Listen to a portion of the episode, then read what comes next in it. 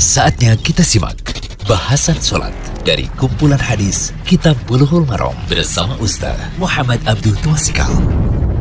Bismillahirrahmanirrahim. Assalamualaikum warahmatullahi wabarakatuh. Alhamdulillah. Wassalatu wassalamu ala rasulillah Wa ala alihi wa sahbihi wasallam Puji syukur kita panjatkan pada Allah salawat serta salam semoga tercurah pada Nabi yang mulia Nabi besar kita Muhammad sallallahu alaihi wasallam.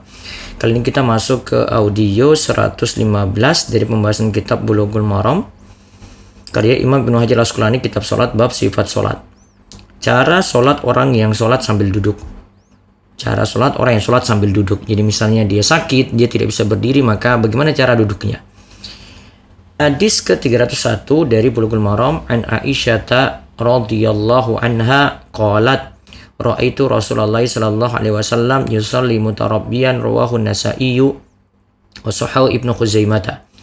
Dari Aisyah radhiyallahu anha ia berkata aku melihat Rasulullah sallallahu alaihi wasallam salat dengan duduk bersila. Hadis riwayat An-Nasa'i dan disahihkan oleh Ibnu Khuzaimah dan di sini di sini disahihkan oleh Al-Hakim Madhabi tidak berkomentar. Hadis ini juga dikeluarkan oleh Ibnu Hibban. Syalbani mengatakan bahwasanya hadis ini sahih. Faedah hadis, hadis ini jadi dalil.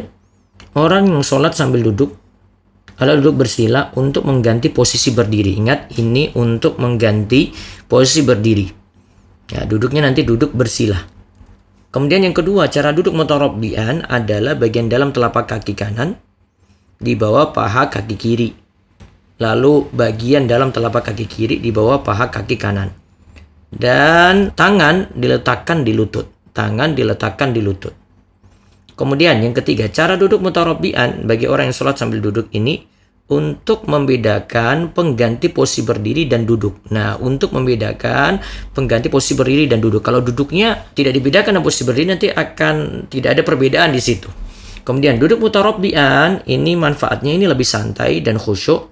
Beda dengan duduk iftirosh itu cepat lelah Hal ini akan menyusahkan kalau bacaan suratnya panjang seperti dalam sholat lail, sholat malam. Inilah pendapat jumur ulama.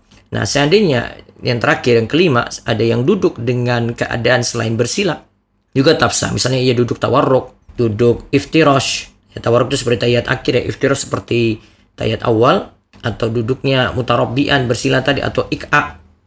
Itu tetap sah. Wallahu a'lam bisawab.